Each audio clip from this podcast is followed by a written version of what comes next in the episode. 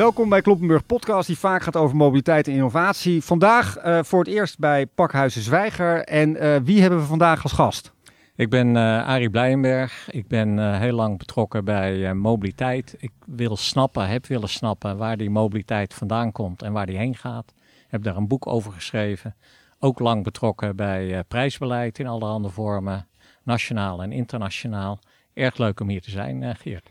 En uh, ja, nou ja, we kwamen uh, weer bij elkaar omdat ik zag dat je een stuk op LinkedIn had ge, uh, geschreven. En daar staat op rekeningen rijden blijft een luchtkasteel op de huidige wijze. Ik bedoel, waar wil je het, wil je het daarover, waar wil je het over hebben? Daarover hebben?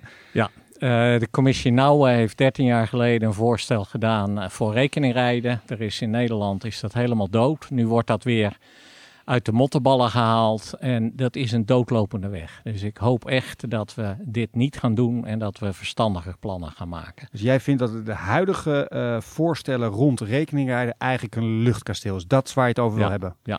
Maar worden we niet meteen helemaal depressief? Kom je ook met wat oplossingen aan het ik einde? Kom, uh, zeker of met moeten we echt 30 jaar Nederlandse historie qua rekeningrijden nee. eerste 10 nee. minuten door? Nee, het is ook heel eenvoudig eigenlijk. Oké, okay. wat is het huidige voorstel voor het rekeningrijden wat jij niet goed vindt? Het, huidige, het huidige voorstel is wat ze noemen een vlaktax. Dus dat je minder uh, motorrijtuigenbelasting gaat betalen en per kilometer die je rijdt een prijs gaat betalen. Ik koop een auto, normaal gesproken betaal ik over die auto en neem me dan even mee hoe het gaat veranderen in de vlaktax. Dus het voorstel ja. van rekeningrijden.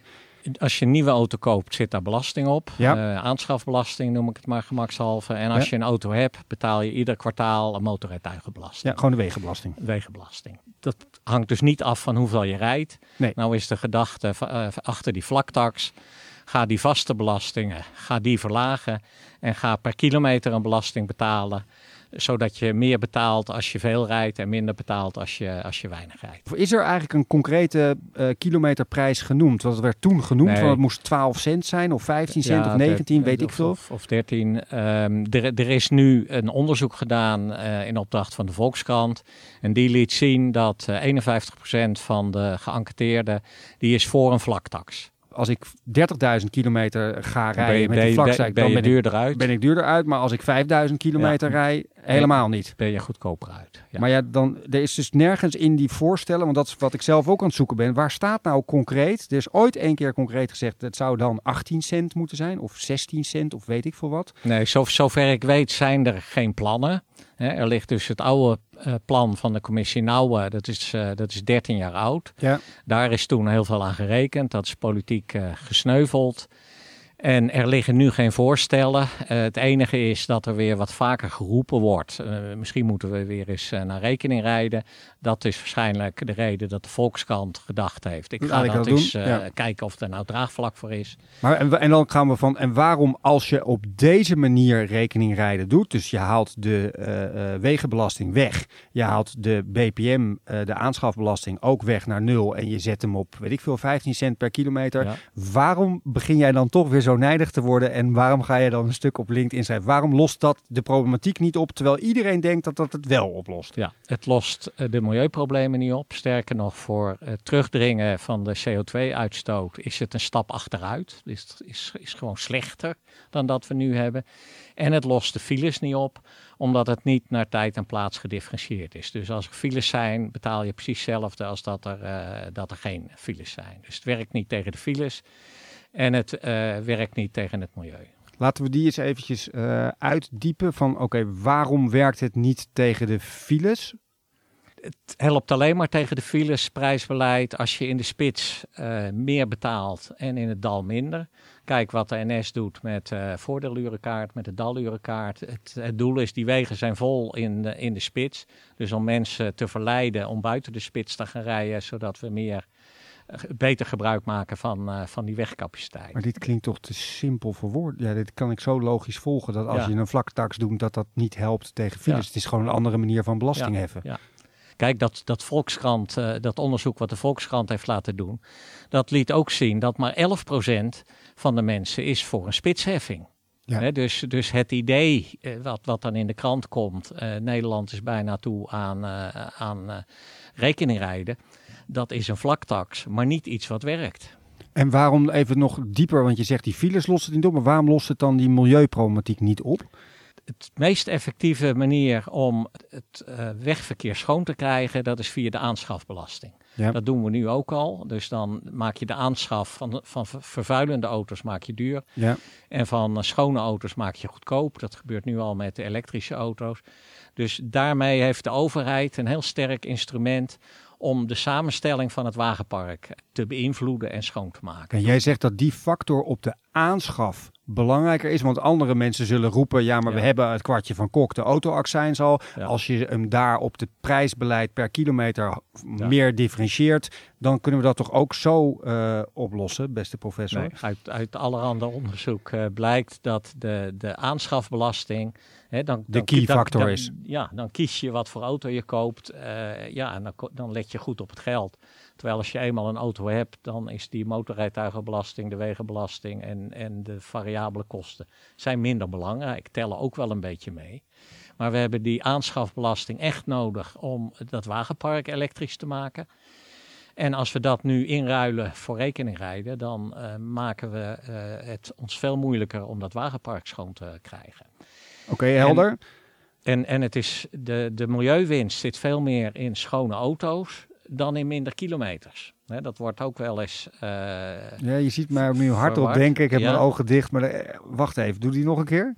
De, het schoonmaken van de, van de mobiliteit zit veel meer in te zorgen dat we schone auto's krijgen, elektrische auto's, andere schone auto's, dan dat we ander mobiliteitsgedrag gaan kijken. Dat, dat blijkt ook uit de doorrekening uh, van het uh, klimaatakkoord. Heel klein beetje komt uh, om, omdat we wat meer met de trein gaan, maar het levendeel komt doordat we die auto's schoonmaken. Dus het belangrijkste instrument is die aanschafbelasting en daar moeten we niet kwijtraken. Oké, nou ja, de, de, dan hebben we het depressieve gedeelte gehad. Dus dit is hoe het, vind jij, niet moet. Maar hoe zou het dan wel kunnen? Als het vlaktax, rekeningrijden, zeg maar het opheffen van wegenbelasting en uh, eh, BPM en dat vervangen door uh, eigenlijk alleen maar een prijs per kilometer. Als dat de grote twee problemen niet oplost, hoe vind jij dan, gezien al jouw ervaring op dit dossier, dat je zegt, nou dat zijn voorbeelden hoe het wel zou kunnen? Ja. Eh, de, de kern is een stedelijke congestieheffing, om het met één woord samen te vatten.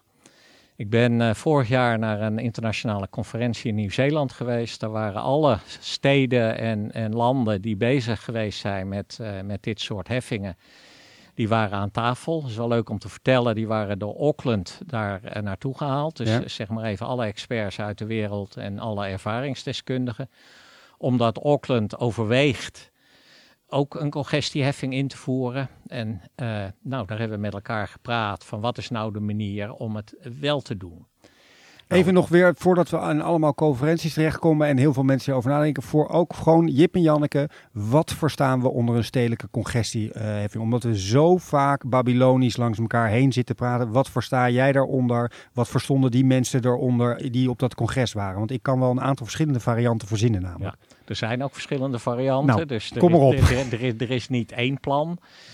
De, de kern is dat je in, een, in het drukste deel van de stad, dus vaak uh, de binnenstad of uh, waar, waar veel bedrijven zitten, dat je daar in de spits uh, het autorijden of het in een gebied rijden duurder maakt, zodat je mensen stimuleert om op een andere manier naar dat. nee, dit snap maar even nu de bekende voorbeeld. Ik doe even uit mijn hoofd, maar jij gaat me verbeteren. Londen weet ik. hoe werkt het daar? Okay. noem, eens, noem eens iets concreter. Ja. Eh, Londen, daar is een uh, gebied. Als je in dat gebied komt, moet je 10,5 pond uh, betalen per dag. Als je daar niet in komt, hoef je daar, daar, daar niet voor te betalen. Hoe, ja? Hoeveel kilometers je in dat gebied rijdt, dat maakt niet uit. In, in Stockholm hebben ze.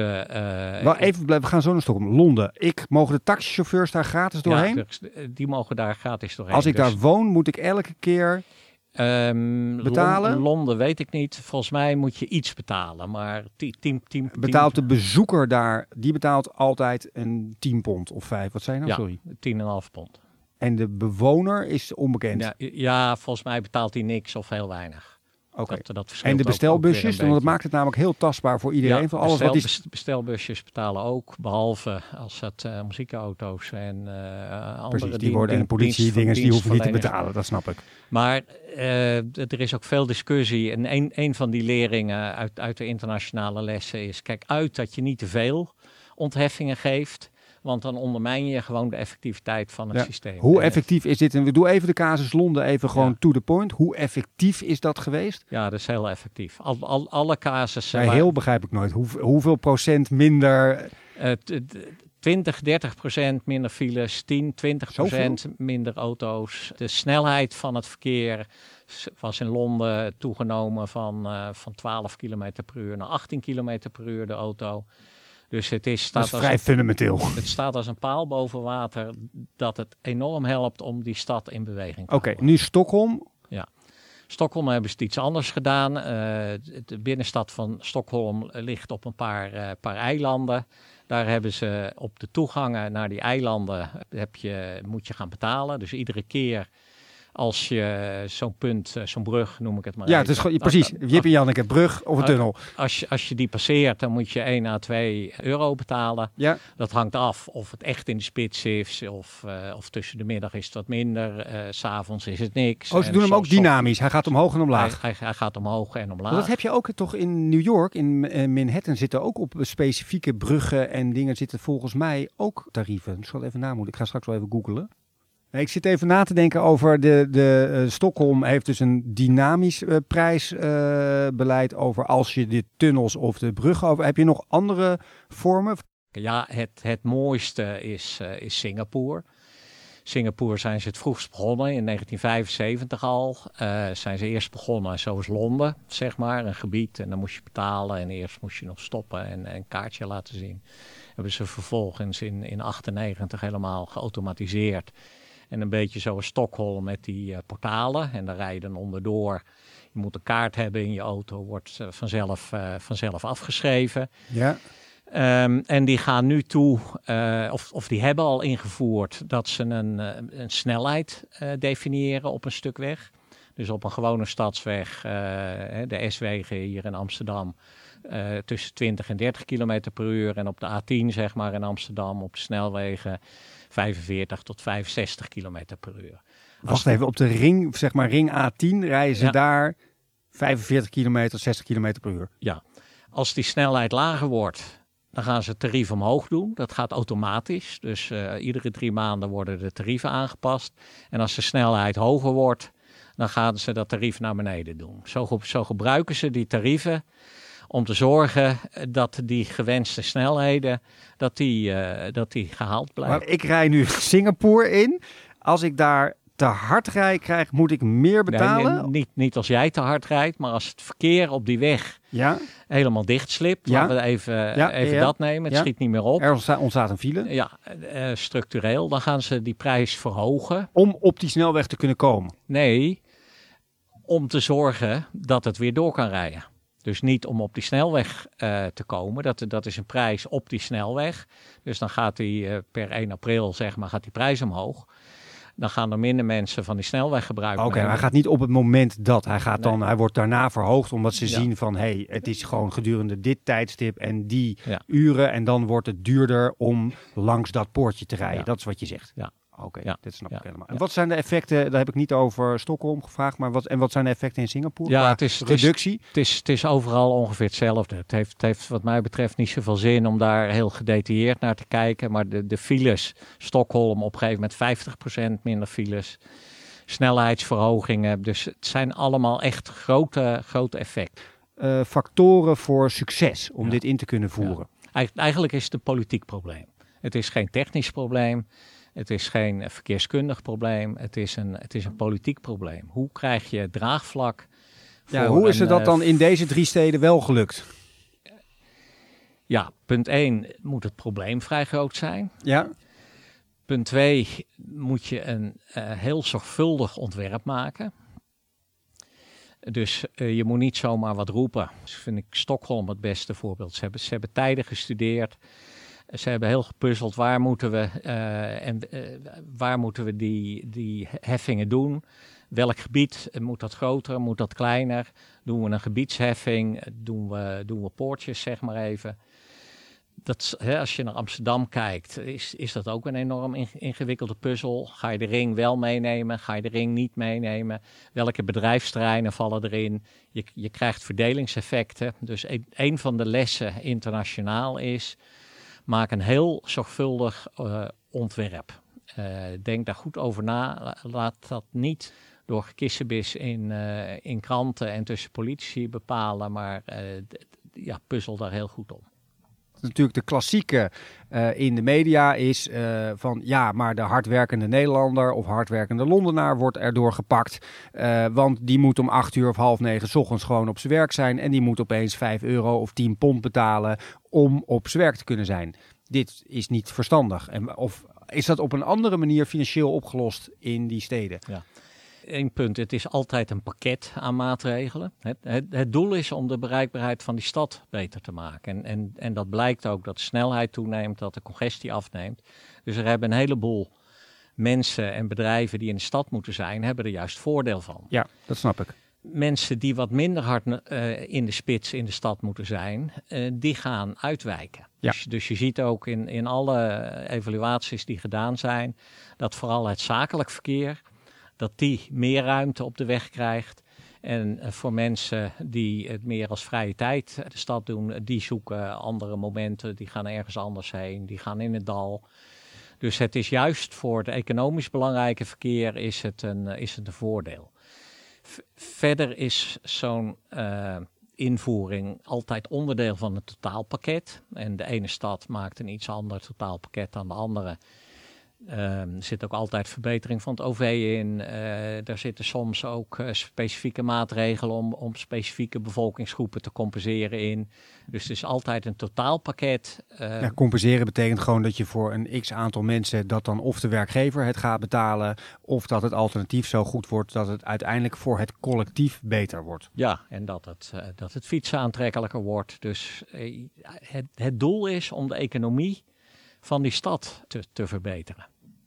Ja, en dat, nee, dat snap ik. Maar het is op dit argument, wat natuurlijk vaak gebruikt wordt, wat, je, wat we allemaal weten, dat dat in het politieke domein vaak gebruikt wordt. Van ja, maar de hardwerkende iemand wordt geraakt. Terwijl jij eigenlijk na heel lang onderzoek en ook vrij grote steden zeggen: ja, maar dit is een maatregel die beter is voor het collectief in plaats van dat die 5% van de mensen raakt in, in een grote stad, hè, Amsterdam is denk ik in Nederland, ligt, ligt het meest voor de hand. Dan is het nog een heel kunststukje om het te doen.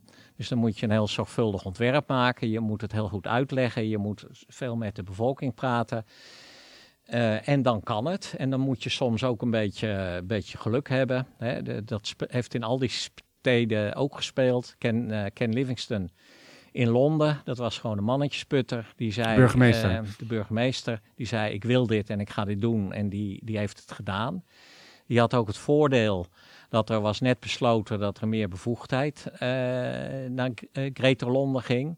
Dus dat ze ook een deel van de rijkswegen gingen, gingen naar Londen. Er was ook een lobby van bedrijven in Londen die zeiden van ja, er, moet echt, er moet echt iets gebeuren, want dit, dit gaat niet goed. Nou, dat kwam allemaal samen. Dat Londen als stad, dat die zeggenschap kreeg over een deel van de rijkswegen. Dus dat die eigenlijk het hele probleem kwam in één hand. En in Nederland is het probleem verdeeld over Rijkswaterstaat die over de over de, over de ring A10 gaat. Nee, dat is precies waar, de, waar het punt over is. Ja, en dus het grote voordeel in, in Londen was Ondertussen kijken we naar een scherm. Zou je eens willen intoetsen? We doen dit ook altijd trouwens bij uh, eh, BNR. Doen we nu bij uh, Pakhuizen Zwijger. Uh, er is nu even iemand aan het inzoomen. Tik eens in congestion charge. En dan kunnen we de wegen eigenlijk... We praten met de mensen, de luisteraar gewoon door, tussendoor. De M25 is eigenlijk de grote ring. Dat is hetzelfde als de A9 en de A5. Uh, en je, we zien, uh, en voor de luisteraars, de, de congestion charge zit iets meer naar binnen toe één ring eigenlijk meer naar binnen. Dat is eigenlijk onze ring A10. En dat is dus wel interessant dat, dat ze als gemeente Londen, dus de gemeente Amsterdam, heeft een beslissing kunnen nemen over bij wijze van spreken de ring A10. Dat is eigenlijk wat je om Ja. daar op of af te mogen. Zij, zij konden een integrale afweging maken. Hoe managen we nou, eh, hoe zorgen we nou voor de bereikbaarheid van Londen, inclusief de snelwegen die daar eh, omheen liggen. En is het dus ook zo, en dan krijg je natuurlijk het gehannes als je doorgaand verkeer bent, in, eh, dan als, blijft... als, als je die zone Niet in- ingaat? in- als je die zone niet ingaat, hebt, eh, hoef je ook niet te betalen. Nee, precies. En dat zou dan in Amsterdam zo zijn als je over de ring A10 gaat, maar je gaat er niet af. Je pakt de afslag niet tussen de S101 en de S110. Dan zou je ze zeg maar op het moment dat mensen dus de stad ingaan, waar dus de problemen het grootste wordt, dan zou een logische plek zijn om het daar te doen. Ja. Hè, zie jij in Nederland toch, zeg maar, of in Nederland of op lokaal, dat je denkt, want kennelijk ben je toch weer in de pen gelopen, wat de reden waarom het niet lukt in Nederland, omdat we continu die, dat luchtkasteel, dus je eigen Ja. frustratie, dat, je, dat, je, dat het Ja. elke keer op landelijk niveau opgeblazen Ja, wordt. dat moet weg van het landelijk niveau. Dat zie je ook in alle landen waar het gelukt is. Heeft de nationale overheid op een gegeven moment gezegd: de steden krijgen de ruimte om het te doen. Ja. Die mogen ook het geld houden. eh, eh, soms onder voorwaarde dat het aan eh, bereikbaarheid besteed moet worden. Dus dan worden die steden, die krijgen belang om hier serieus over, over na te gaan denken, om serieus plannen te maken. Dus als het in Nederland ook zo zou gaan dat niet eh, Den Haag, eh, hè, politiek Den Haag gaat verzinnen. Ja, Hoe- voor, hoe de he- voor nou? het hele land van Delfzijl tot Middelburg en van... eh, ja, maar, maar dat Amsterdam en Rotterdam en Den Haag en Utrecht de ruimte krijgen om een ontwerp te maken en het in te voeren, dan is mijn verwachting dat Amsterdam en misschien samen met Utrecht, dat die dat serieus gaan, eh, gaan bekijken. En ik verwacht dat Rotterdam en Den Haag daar nog niet aan toe zijn. Ja, maar wat belet het nou eigenlijk nog voor een lokale gemeente om dit gewoon te doen? Waarom is dit afhankelijk van een, na- in Nederland van een nationale overheid? Waarom zou niet de gemeente Amsterdam of Utrecht dit eigenlijk morgen al kunnen doen? Omdat ze daar toestemming voor moeten hebben. Een gemeente mag niet eh, eh, zelf belastingen verzinnen. Of, of heffingen. Nee, maar want de milieuwetgeving mag wel in de stad. Die kunnen ze lokaal voeren. Nee, maar dat, dat is ook met landelijke wetten geregeld. Ja, en nu is die vrijheid om Nee, dus am- am- die als- is als- er niet. Nee. Dus als, als ik een advies aan Amsterdam mag geven, dan zou ik zeggen: ga naar Den Haag en ga die ruimte vragen.